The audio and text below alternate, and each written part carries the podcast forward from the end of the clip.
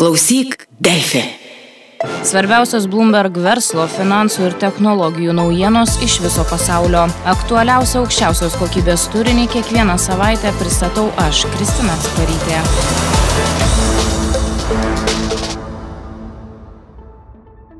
Milijardieriai merkia pinigus į energijos šventojo gralio paiešką. Atradimas pakeistų pasaulį. Prieš pat mirtį technologijų vizionierius Polas Alenas nukeliavo į Prancūzijos pietų savo akimis pamatyti 35 šalių sumanytą eksperimentą, atkartojantį Saulės darbą.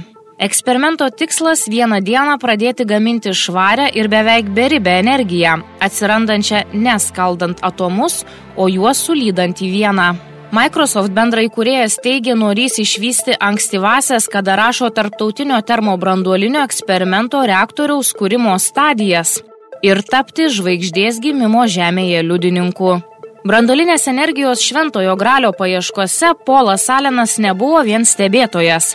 Jis buvo vienas iš naujosios bangos turtuolių. Švarios energijos šalininkų investuojančių didžiulius pinigus į startuolius, kurie pasiryžę kuo skubiau sukurti komerciškai perspektyvų brandolių salajos reaktorių, kol jų neaplenkė ITER, tarptautinė 23 milijardų dolerių investicijų sulaukusi programa, savo pirmuosius rezultatus planuojanti pristatyti amžiaus viduryje.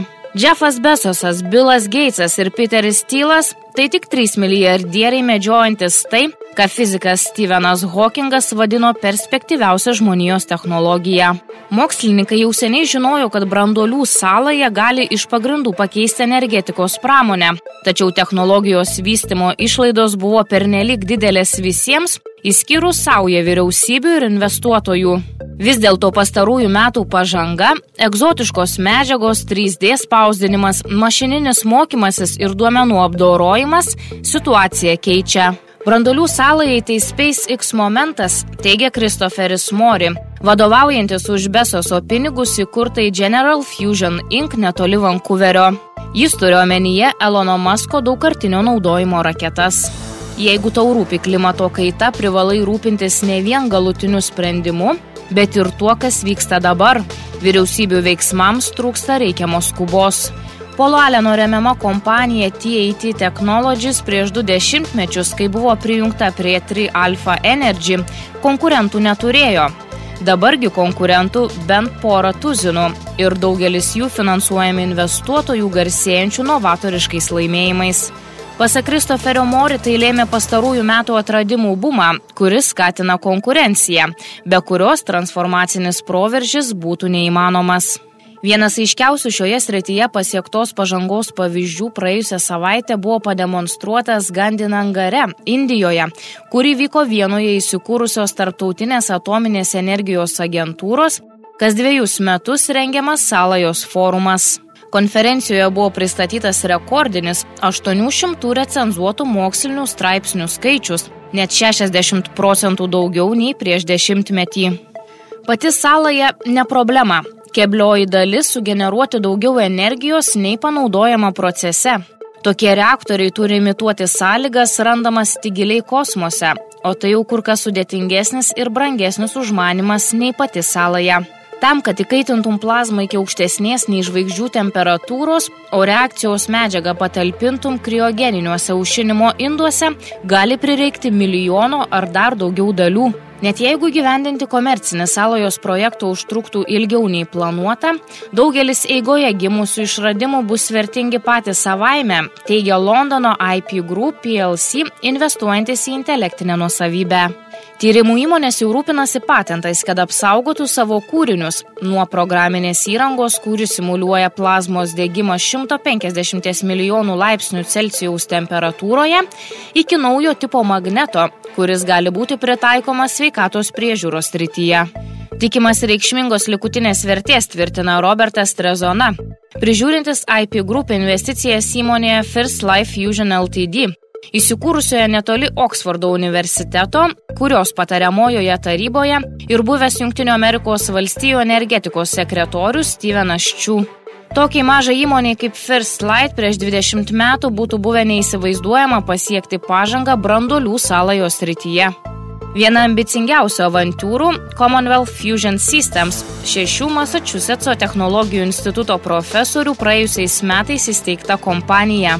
Finansiškai remiami kelių ypač garsių pavardžių mokslininkai įsitikinę, kad iki 2025 metų spės pagaminti vadinamojo neto energijos reaktoriaus prototipą.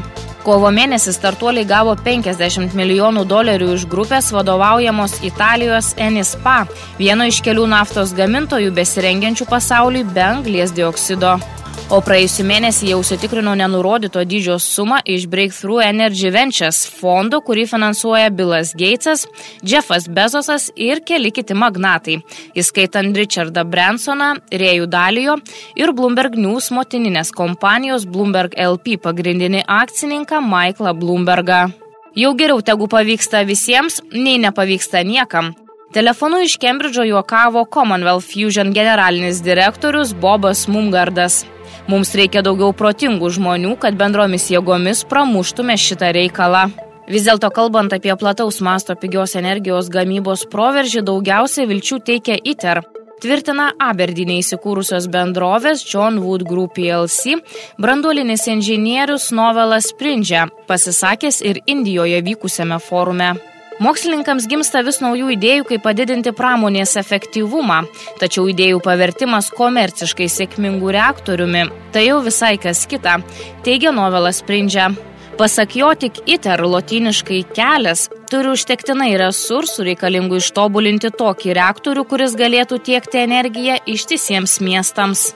Jeigu taip, dauguma šiandieninių brandolinės salajos investuotojų gali negyventi pakankamai ilgai, kad galėtų iš jos pasipelnyti.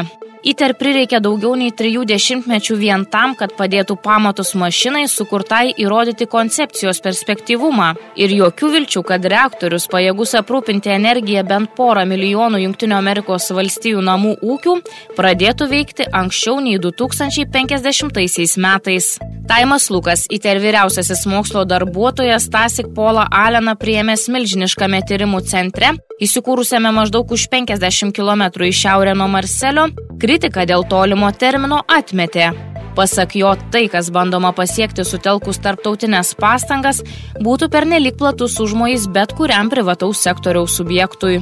Galbūt mūsų varžovai turi viziją sukurti kažką mažesnio, bet aš dar nemačiau įtikinamų fizikinių skaičiavimų, kurie įrodytų, kad jie gali tai padaryti, teigia Lukas. Tai pasakėčia apie vėžlį ir kiški, ir tas vėžlys tai mes.